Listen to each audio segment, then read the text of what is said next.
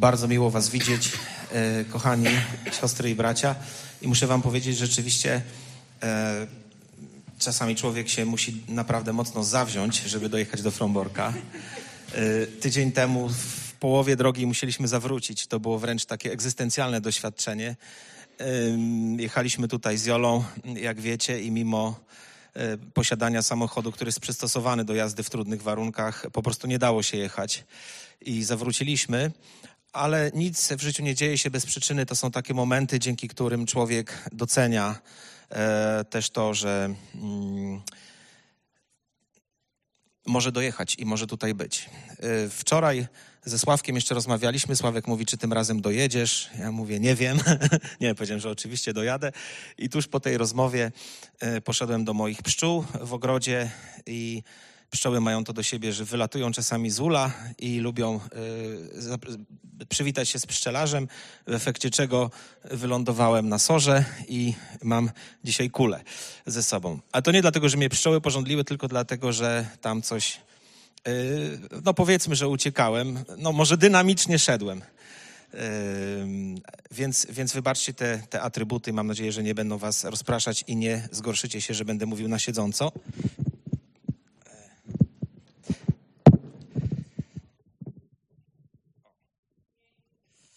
Chciałbym powiedzieć, że wielkim przywilejem, myślę, że dla wszystkich nas jest zgromadzać się w Bożym imieniu. E, I rozmawialiśmy dzisiaj tutaj z grupą, mm, że niektórzy z nas przed nabożeństwem odczuwają tremę. Trema to jest e, pewnego rodzaju uczucie towarzyszące ludziom z mojej profesji, mm, ale zawsze wtedy sobie przypominamy, że nabożeństwo to nie jest występ ani śpiewanie podczas nabożeństwa to nie występ, ani mówienie kazania to nie występ. To po prostu przebywanie e, w domu e, ze wspólnotą, z ludźmi, którzy się kochają, którzy sobie ufają, którzy siebie wspierają. Czyli to jest takie miejsce, jak to mówił klasyk, gdzie nie trzeba wciągać brzucha, prawda? Bo jest się u siebie. Więc ja mam do Was prośbę, kochani, i trochę sam do siebie. E, nie wciągajmy teraz brzuchów, po prostu bądźmy, bo jesteśmy w domu przed Bożym obliczem. E, chciałbym zaprosić Was dzisiaj, bo jesteśmy w okresie Wielkiego Postu, do wspólnego odczytania fragmentu, który jest bodaj jednym z najbardziej znanych fragmentów mówiących o poście. Fragment z tej Ewangelii Nowego Testamentu, jaką jest Księga Izajasza. Więc proszę, otwórzmy sobie 58 rozdział Księgi Izajasza, jeśli macie. Ja będę czytał z przekładu e, Y, Piotra Zaręby. I Słowo Boże mówi tak. Wołaj na całe gardło. To jest zawołanie, w którym Bóg zwraca się do proroka. To prorok ma krzyczeć na całe gardło. Bóg mówi do Izajasza: Wołaj na całe gardło i nie powstrzymuj się. Wznieś niczym trąba swój głos, ogłoś memu ludowi jego przestępstwa, a domowi Jakuba jego grzechy. Wprawdzie Szukają mnie dzień w dzień i pragną poznać moje drogi, jakby byli narodem czyniącym sprawiedliwość i nie zaniedbującym praw swojego Boga. Proszą mnie też o słuszne rozstrzygnięcia, pragną zbliżenia się do Boga. Mówią, dlaczego my pościmy, a Ty tego nie widzisz? Dlaczego umartwiamy duszę, a Ty nie zauważasz? Otóż w dniu waszego postu szukacie własnych przyjemności, wyzyskujecie wszystkich swoich pracowników, pościcie też dla sporów, chcąc być pierwsi, a przy tym obraźliwie uderzacie pięścią. Nie pościcie już tak, jeśli chcecie, nie poście już tak, jeśli chcecie, by wasz głos słyszany był w niebie. Czy taki post ma być czymś, czego pragnę? Czy ma być nim dzień, w którym człowiek umartwia swą duszę przez to, że zwiesza głowę jak sitowie, albo leży we włosiennicy i w popiele? Czy coś takiego nazwiesz postem i dniem przyjemnym Panu? Oto na tym polega post, który mi się podoba, że się wyzwala z więzów niegodziwości. Zrywa powrozy jarzma, wypuszcza na wolność gnębionych i łamie wszelkie poddaństwo. Że podzielisz swój chleb z głodnym, biednych tułaczy, przyjmiesz do domu. Gdy zobaczysz nagiego, okryjesz go szatą i nie odwrócisz się od swego rodaka. Wtedy Twe światło wystrzeli jak poranek. Szybko wzejdzie Twe uzdrowienie, Twa wiarygodność pójdzie przed tobą, a chwała Pana będzie twoją tylną strażą. Gdy wtedy będziesz wołał, Pan odpowie. Gdy wezwiesz Go na pomoc, powie, oto jestem. Właśnie, gdy usuniesz spośród siebie jarzmo, wytykanie palcem i niegodziwość mowy. Gdy otworzysz przed głodnym swe serce i nasycisz duszę strapionego, wtedy Twe światło wzejdzie wśród ciemności, a Twój zmierzch będzie jak południe. I Pan będzie wciąż Cię prowadził, nasyci Twoją duszę choćby w wyschłych miejscach, sprawi, że znów nabierzesz sił i będziesz jak ogród nawodniony, jak źródło wody zawsze niezawodne. Twoi ludzie odbudują odwieczne ruiny, podźwigniesz fundamenty poprzednich pokoleń i nazwą Cię naprawiającym wyłomy, odnowicielem ścieżek do przystani wytchnienia. Amen. Pomódlmy się. Panie, dziękujemy Ci za Twoje święte słowo i za to, że tak jak czynili chrześcijanie od dwóch tysięcy lat, tak my dzisiaj się skupiamy i zgromadzamy wokół Twojego słowa. Panie, dziękuję Ci, że jesteśmy w domu modlitwy, że jesteśmy w miejscu, do którego ludzie przyszli, by Ciebie poznawać, by wyrazić Tobie swoją wdzięczność, posłuszeństwo i wiarę. Panie, umocnij nas swoim słowem. A niech to słowo służy naszemu zbudowaniu, naszej zachęcie i naszemu pokrzepieniu.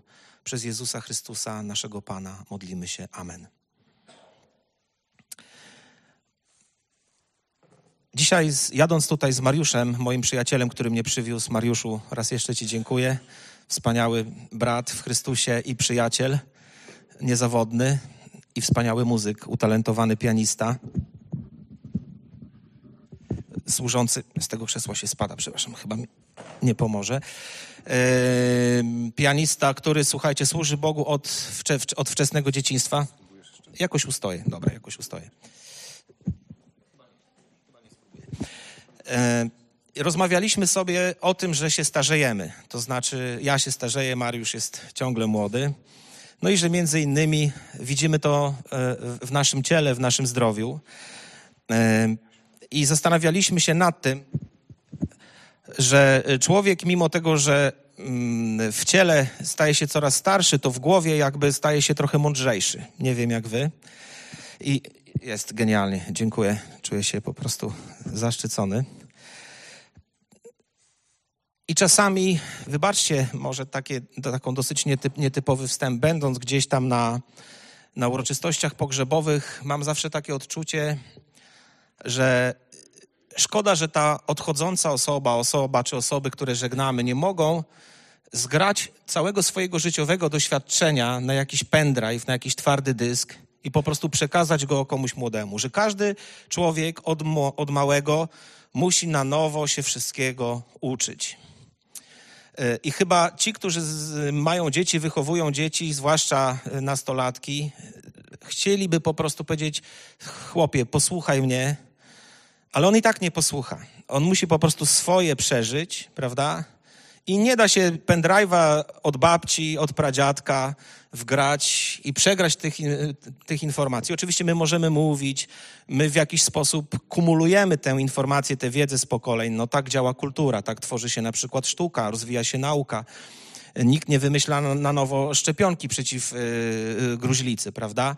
No nikt nie, nie, nie wymyśla na nowo koła, nikt na nowo nie wymyśla gamy cedur, bo ona już została wymyślona i nikt nie odkrywa w każdym pokoleniu pięciolinii.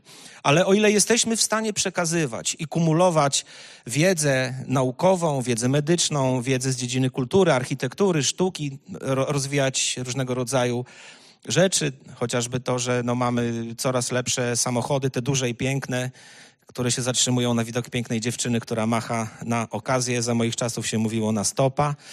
E, to jednak tego jednego nie możemy przeskoczyć. Każdy musi od nowa się uczyć swojego.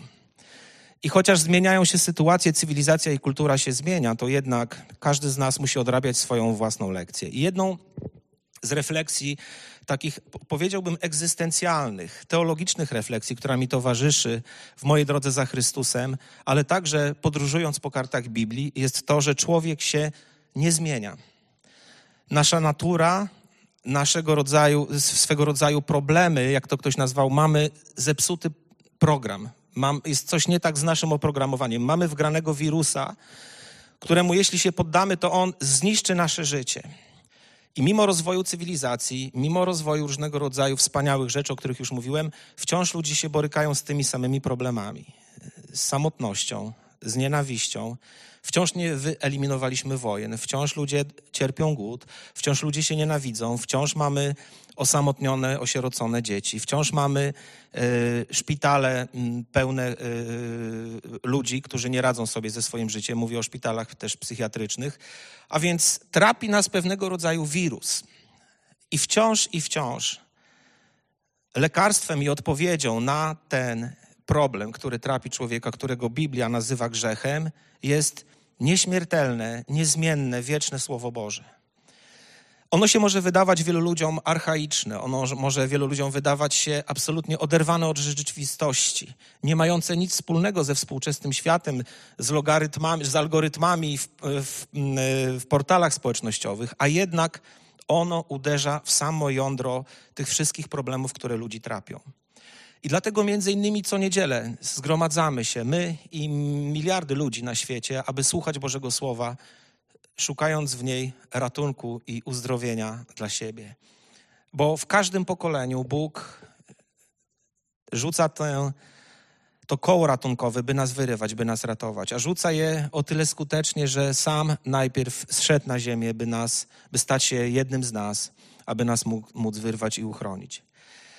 Ale kiedy czytam to słowo z księgi Izajasza, myślę sobie, że to jest słowo skierowane wprawdzie w konkretnym czasie, w konkretnym miejscu do konkretnej grupy ludzi, czyli do, do ludu Izraela przez proroka Izajasza, ale jednocześnie ono pokazuje nam ten, rzekłbym, przygniatający w pierwszym odczuciu fenomen, że człowiek może być jednocześnie chcący podobać się Bogu, deklarujący, że chce szukać Boga, że chce być porządnym człowiekiem, wierzącym, że może umartwiać swoje ciało, że może poddawać się różnym religijnym czynnościom, wszystko jedno, jakie w każdej epoce czy w religii zdefiniujemy, a jednocześnie może być tym, który gnębi ludzi, może być jednocześnie tak zapatrzony w swoją religię, w swoje czynności, w to, kim jest, jaki jest, jaki powinien być, że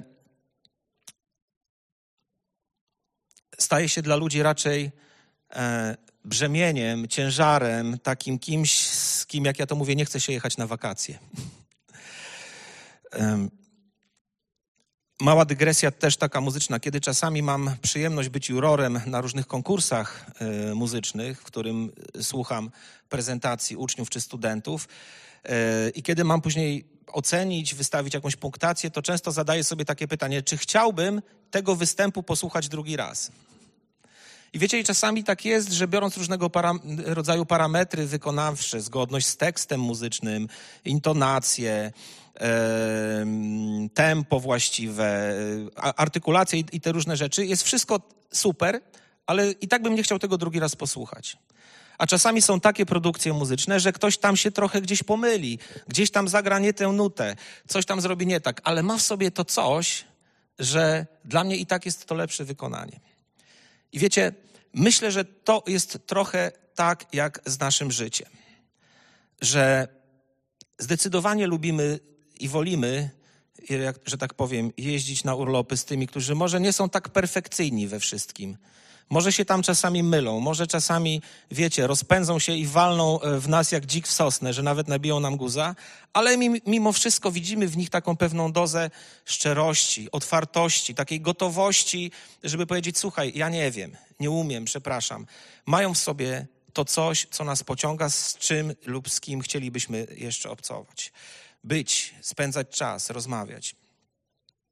Bóg mówi tak: wprawdzie Szukają mnie dzień w dzień i pragną poznać moje drogi, jakby byli narodem, który pełnił sprawiedliwość i nie zaniedbywał prawa. Domagają się ode mnie sprawiedliwych praw, pragną zbliżenia się do mnie, mówią, dlaczego nas nie odpowiadasz, gdy pościmy, a jednak w tym samym czasie są w stanie załatwiać swoje sprawy i uciskać robotników. Spierać się, bezlitośnie uderzać pięścią umartwiają swoją duszę. Robią to w sposób zewnętrzny, zwieszają głowę, wszyscy widzą, że oni to robią. I zastanawiam się, jak to jest możliwe. Chyba nie ma takiej przestrzeni drugiej w kulturze, jak religia, przestrzeni, w której są takie genialne wykwity kwiatów hipokryzji. W listach Starego Diabła do Młodego C.S. Louisa stary diabeł do młodego mówi, wiesz, najpiękniejsze kwiaty pychy najpiękniej rozkwitają na stopniach ołtarzy. Im bliżej ołtarza, tym pycha ma się lepiej. I to jest odwieczna prawda, która, którą, która jest o nas, nieprawda w sensie kanonicznym, bo literatura chociażby tak genialnego pisarza jak C.S. Lewis nie jest dla nas prawdą objawioną, ale myślę, że to jest pewna intuicja e, e, e, tego, tego pisarza, która określa pewną cechę w nas. Takiej skłonności do, jakby to powiedzieć, do tego, żeby mnie widziano, żeby mnie doceniano.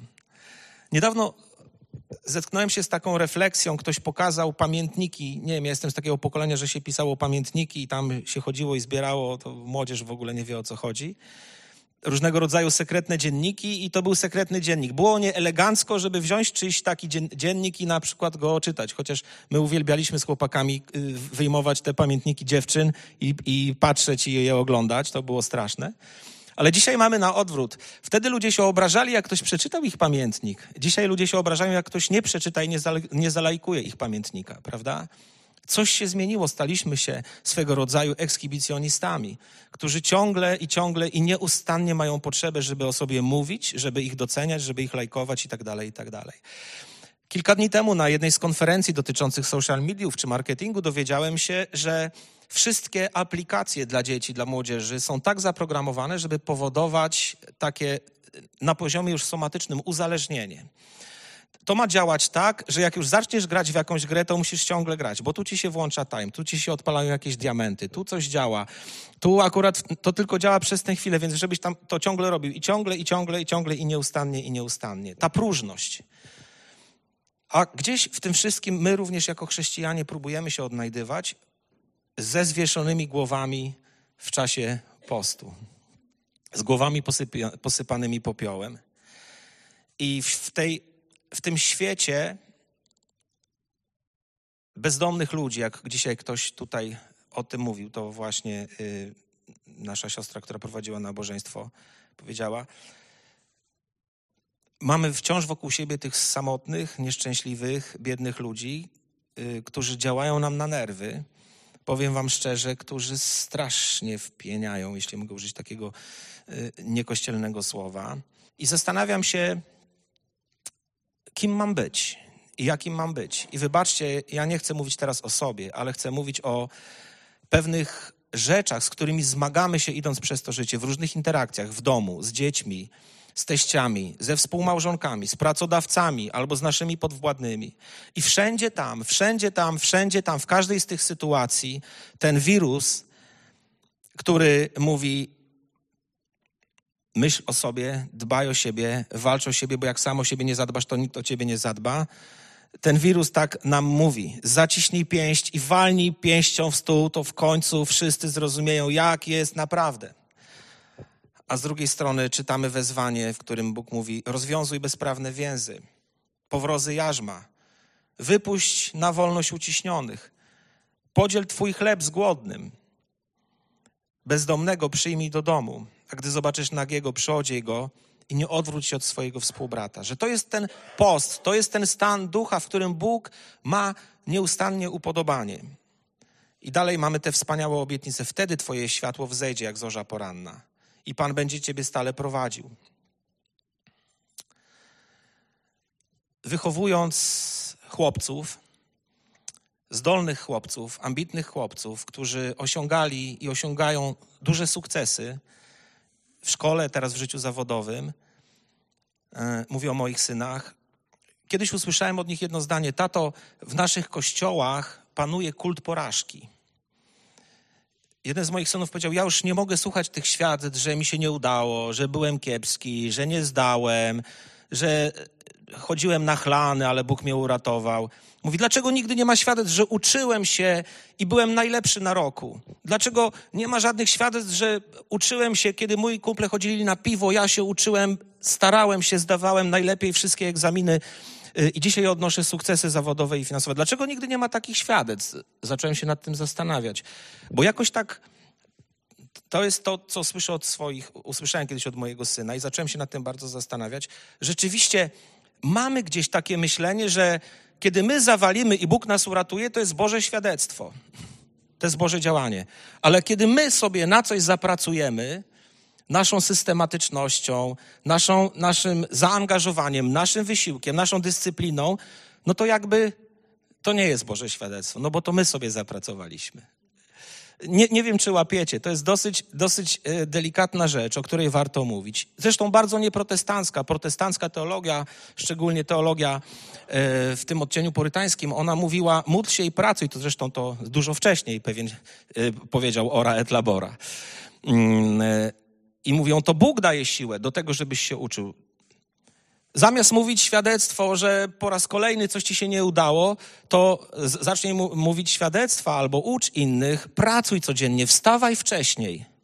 Zacznij od siebie wymagać, ucz się języków, póki jesteś młody. Nie spędzaj całego dnia gapiąc się w telewizji albo siedząc na Facebooku. Osiągaj sukcesy, bądź najlepszy, wyróżniaj się, bądź wzorem dla wszystkich. To są ciekawe rzeczy, bo w tym również działa Bóg a dlaczego to jest takie ważne? Dlatego, że możesz w skuteczny sposób pomagać ludziom później, coś dla nich robić. Kończąc ten e, poboczny, jakby nie było wątek, kiedyś pozwoliłem sobie na taką refleksję, że.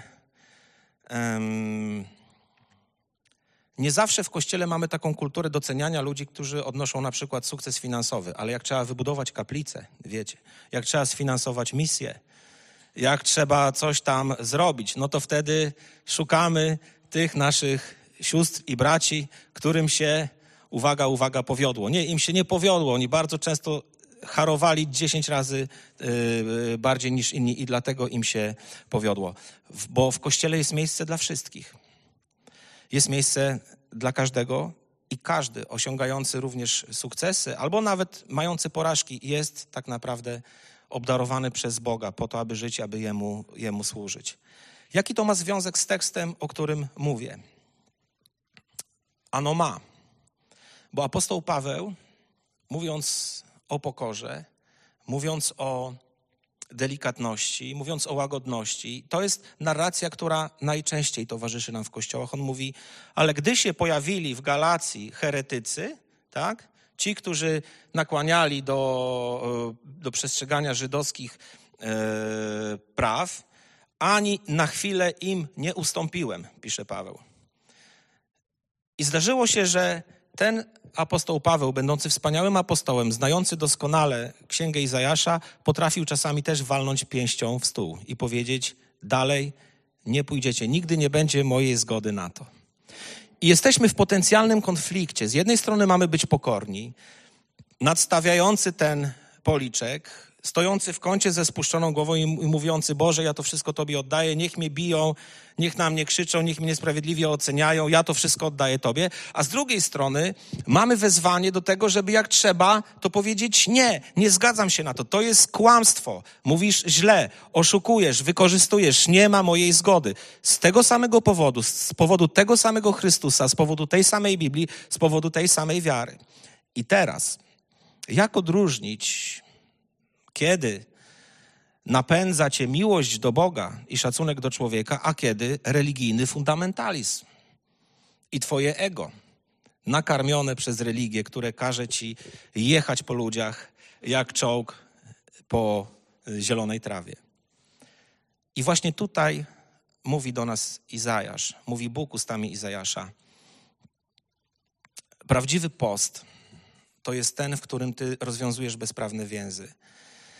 David Wilkerson na jednej z wielkich konferencji misyjnych kiedyś, kiedy zapytano go, jakie jest największe pole misyjne świata, wiecie co odpowiedział?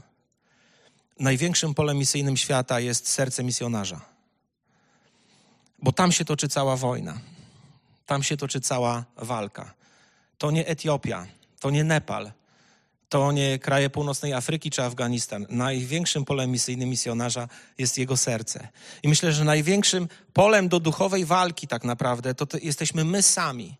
Żeby z jednej strony znać poczucie swojej wartości, wiedzieć, że czasami trzeba być zasadniczym i stanowczym, a z drugiej strony nie kierować się przy tym swoim ego, pychą, niechęcią do człowieka, nienawiścią. To jest naprawdę bardzo trudne.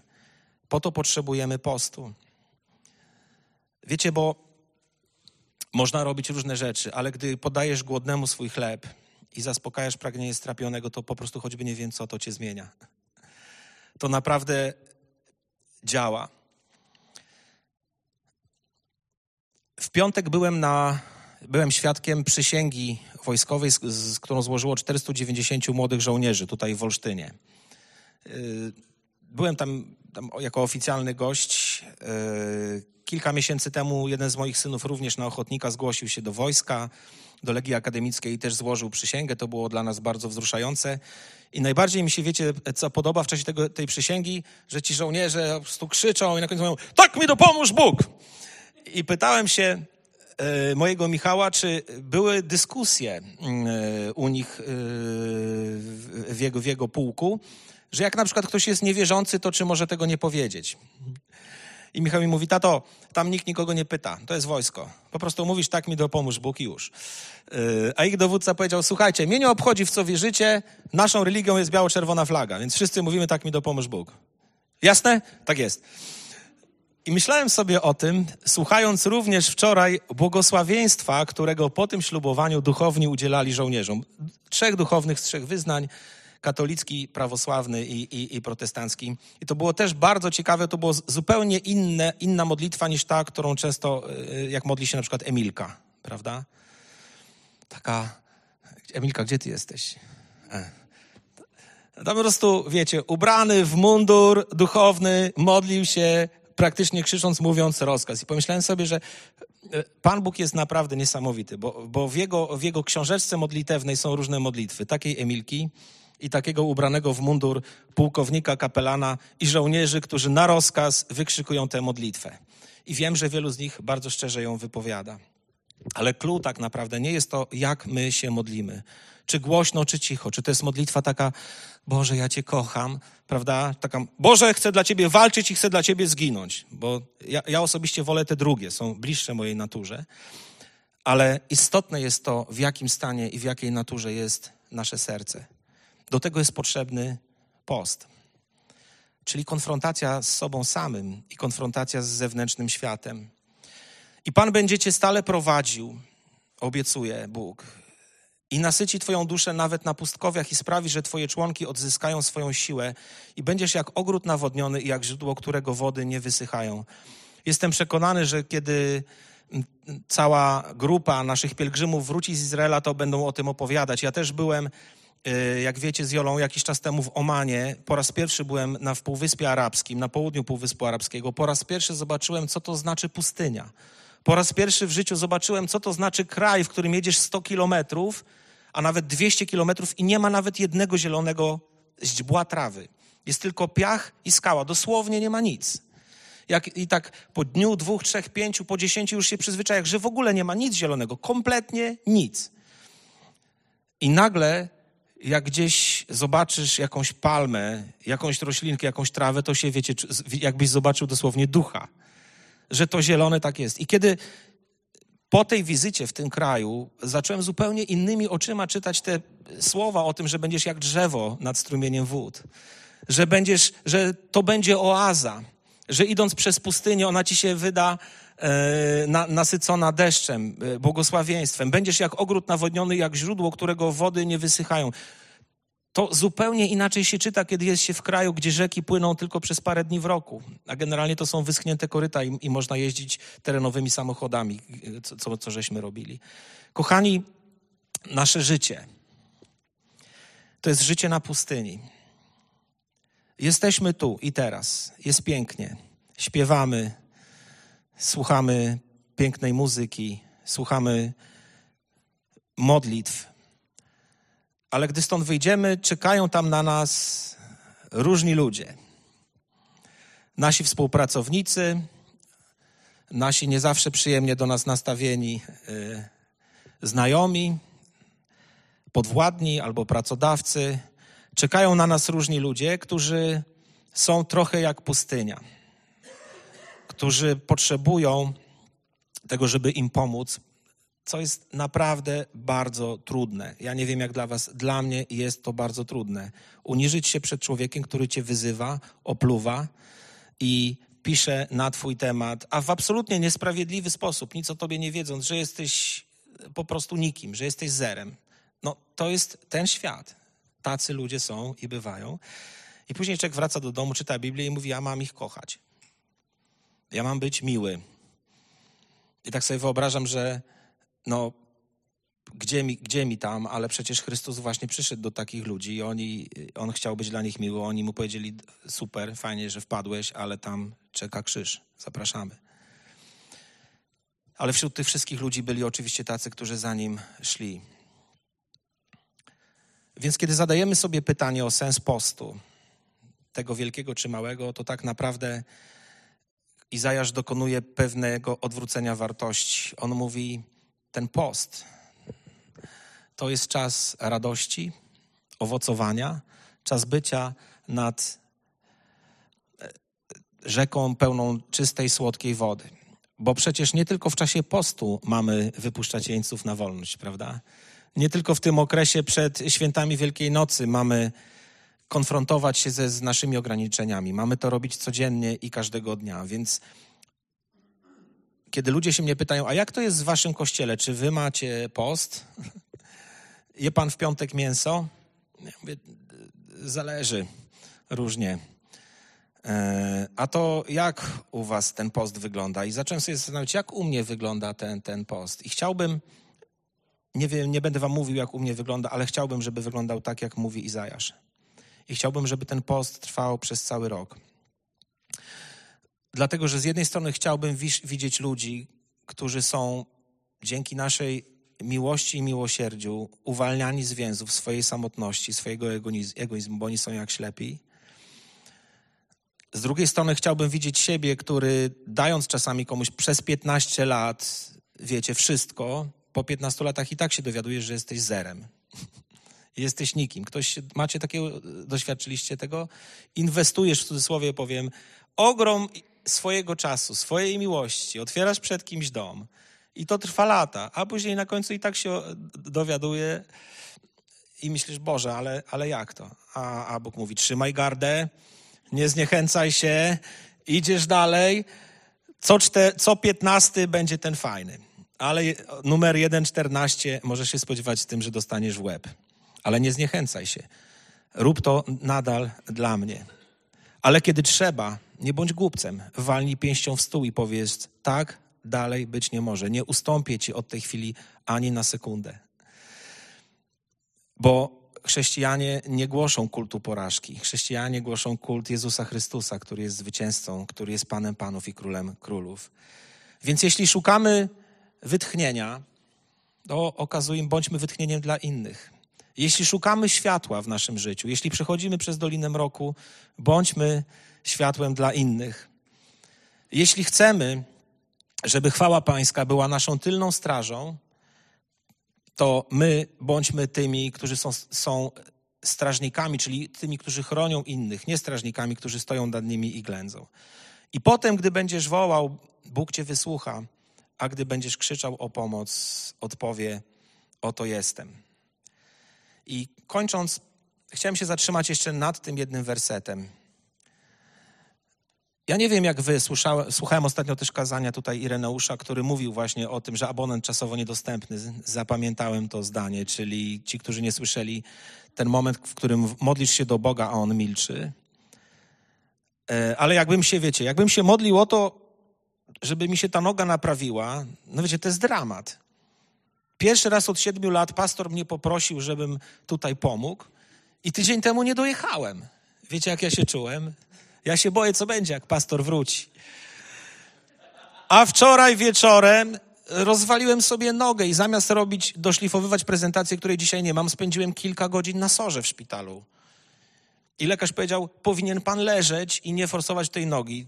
Ja mówię, nie, choćby nie wiem co, przyjeżdżam dzisiaj do Fromborka, Mariusz, zawieziesz mnie. I wiecie, i myślę sobie, Boże, no, przez te siedem lat akurat były dwie niedziele i na żadną mam nie przyjechać. I modlę się do Boga i mówię, Boże, to dlaczego? Czy to Ty robisz? Czy to diabeł robi? Czy ja mam to teraz zgromić i powiedzieć? Niektórzy kiwają głowami, bo już wiedzą. Uwaga, kto jest za tym, że to Bóg sprawił? Ręka do góry. Kto, uwielbiam te głosowania zielonoświątkowe. A kto jest za tym, że nie wiadomo? Ale ja wiem jedno. Wiecie, kiedy pytam się i mówię, Boże, o co chodzi? Uzdrów moją nogę, niech się rozproszy śnieżyca, żebyśmy mogli jechać. A odpowiedź jest taka, ani się noga nie uzdrawia, chociaż czasami Bóg uzdrawia, ani się śnieżyca nie rozstępuje, chociaż czasami się rozstępuje, ani morze się nie rozstępuje, tylko jest odpowiedź, oto jestem. To jest odpowiedź Boga na, na wiele naszych modlitw. Ty mówisz, zrób to, zrób to, zrób to, albo nie zrób tego, nie zrób tego, uzdrów, yy, podnieś, podźwignij, uratuj, a Bóg mówi, oto jestem. Słuchajcie, bo to jest Jego najlepsza odpowiedź na każdą modlitwę. Skierowanie naszego wzroku nie na to, co On może zrobić, ale na to, kim On jest. Do tego prowadzi post. Do tego prowadzą te wszystkie rzeczy. Więc kiedy powiesz, dlaczego ten mój szef jest takim podłym człowiekiem, Boże, odpowiedz, a Bóg mówi, oto jestem. Nie abonent czasowo niedostępny. Oto jestem. I to jest najważniejsze. Kiedyś ktoś powiedział, wiesz, jak jakąś masz wątpliwość, to zapytaj nastolatka. Nastolatki znają odpowiedź na każde pytanie. Później jak masz 50 lat, to masz więcej znaków zapytania niż odpowiedzi. To dlatego z tym pendrive'em chciałbym tym nastolatkom coś wgrać, ale oni nie chcą, bo im to jest niepotrzebne. Oni ewentualnie mi mogą się swoim pendrive'em ze mną podzielić, bo oni wiedzą, jak ma być.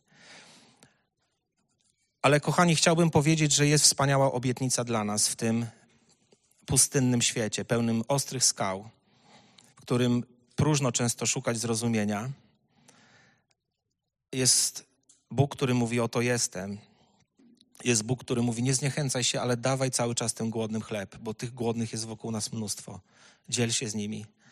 Wyciągaj do nich rękę nieustannie, nieustannie, nieustannie. Towarzysz im. Nie moralizuj nawet. Nie zawsze musisz im ględzić. Po prostu bądź, potrzymaj za rękę. Nawet nic nie mów. Posłuchaj. Posiedź. Potowarzysz. Może w którymś momencie sam przyjdzie i zapyta. I wtedy będziesz jak nawodniony ogród, jak źródło, którego wody nie wysychają. Niech Bóg da, abyśmy byli ludźmi, którzy odbudowują gruzy, które podźwigają fundamenty. Abyśmy byli tymi naprawiaczami wyłomów w naszych miejscach pracy, w naszych szkołach, w naszych uczelniach, w naszych służbach, w naszych rodzinach, w naszych małżeństwach.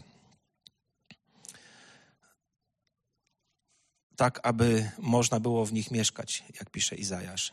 To jest wielkie wyzwanie, wielkie zadanie, ale i wielka radość, bo nie jesteśmy sami. Na zakończenie chciałbym Wam przeczytać modlitwę, którą chyba wszyscy znamy. To jest ta słynna modlitwa świętego Franciszka z Asyżu, który modlił się tak: O Panie, uczyń z nas narzędzia Twojego pokoju, abyśmy siali miłość tam, gdzie panuje nienawiść. I wiecie, gdy czytam te słowa, to widzę trudne sytuacje, z którymi jutro będę się musiał zmierzyć w mojej pracy. Wierzcie mi. Wybaczenie tam, gdzie panuje krzywda. Jedność tam, gdzie panuje zwątpienie. Nadzieję tam, gdzie panuje rozpacz. Światło tam, gdzie panuje mrok. Radość tam, gdzie panuje smutek. Spraw, abyśmy mogli nie tyle szukać pociechy, co pociechę dawać nie tyle szukać zrozumienia, co rozumieć. Nie tyle szukać miłości, co kochać. Albowiem, albowiem dając, otrzymujemy. Wybaczając, zyskujemy przebaczenie. A umierając, rodzimy się do wiecznego życia. Przez Chrystusa Pana naszego. Amen. Tak modlił się Franciszek e, już ładnych parę stuleci temu. Myślę, że każdy z nas może na taką modlitwę powiedzieć Amen, ale muszę też Wam powiedzieć, że ta modlitwa jest niemożliwa bez Bożej pomocy. Tego się nie da.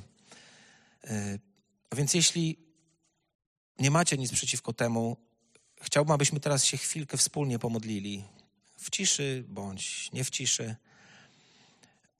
żeby Pan Bóg dał nam przeżywać dobry post, dobry czas postu. Taki, w którym będziemy otwierali nasze serca i nasze chlebaki przed innymi. Taki, w którym będziemy mogli nieść ludziom pociechę tam, gdzie jest zwątpienie. Taki, w którym będziemy mogli też czasami powiedzieć: Na to się nie zgadzam, to jest kłamstwo, nie możesz tak robić i uważam, że robisz źle. A mówię to dlatego, że Cię kocham, a nie dlatego, że uważam, że jestem od Ciebie lepszy. Niech Bóg da nam siłę i da nam mądrość z nieba, abyśmy byli tymi Jego aniołami. Bo dlaczego tylko ci, co na stopa zabierają innych, mają być aniołami, prawda? My też, też możemy być. Powstańmy. Dobry Boże i Panie nasz, dziękuję Ci, że słowa wypowiedziane przez starożytnego proroka są dzisiaj wciąż aktualne. Wciąż tak łatwo pomylić nam szukanie Ciebie z szukaniem samego siebie. Wciąż tak łatwo jest nam, Panie, pomylić pokazywanie Ciebie z pokazywaniem siebie. Panie, dziękuję Ci, że choć człowiek, jego natura jest od tysiącleci niezmienna, to na szczęście Ty też jesteś niezmienny i niezmiennie nas ratujesz. Odnawiasz nas. Dajesz nam moc i siłę. Panie, ja dzisiaj staję przed Tobą wspólnie z moimi siostrami i braćmi, przyznając się też do często bezradności, do tego, że ustaję, że brakuje mi sił, że potrzebuję urlopu, wytchnienia od ludzi, od kościoła, od różnych spraw. Panie, ale nie chcę nigdy urlopu od Ciebie. Proszę Cię, daj nam wszystkim dzisiaj siłę, daj nam wszystkim moc, abyśmy byli tymi, którzy poszcząc przynoszą innym nadzieję, wytchnienie i, i, i radość i zwycięstwo. Panie, umocnij nas. Umocnij swój lud, umocnij swój kościół w codziennym życiu. Panie, i gdy jutro pójdziemy do tych wyschniętych rzek, dziękuję Ci, że Ty tam na, dla nas będziesz czekał ze swoim oto jestem, nie martw się. Gdzie, gdzie inni będą widzieli wyschłe, wyschłe koryta rzek, Ty będziesz tam ze swoimi wodami, by nas nawodnić, by nas użyźnić, by dać nam siłę, abyśmy mogli być w tym wiosennym rozkwicie, abyśmy mogli być nadzieją dla innych, z Twoim drogowskazem i wskazówką. Panie, dziękuję Ci za Kościół, za Twój cud, za ciało Twoje, za oblubienicę Twoją, którą własną krwią obmyłeś i nazwałeś nas swoim imieniem. Tobie niech będzie chwała i cześć i moc. Przez Jezusa Chrystusa, naszego Pana, modlimy się. Amen.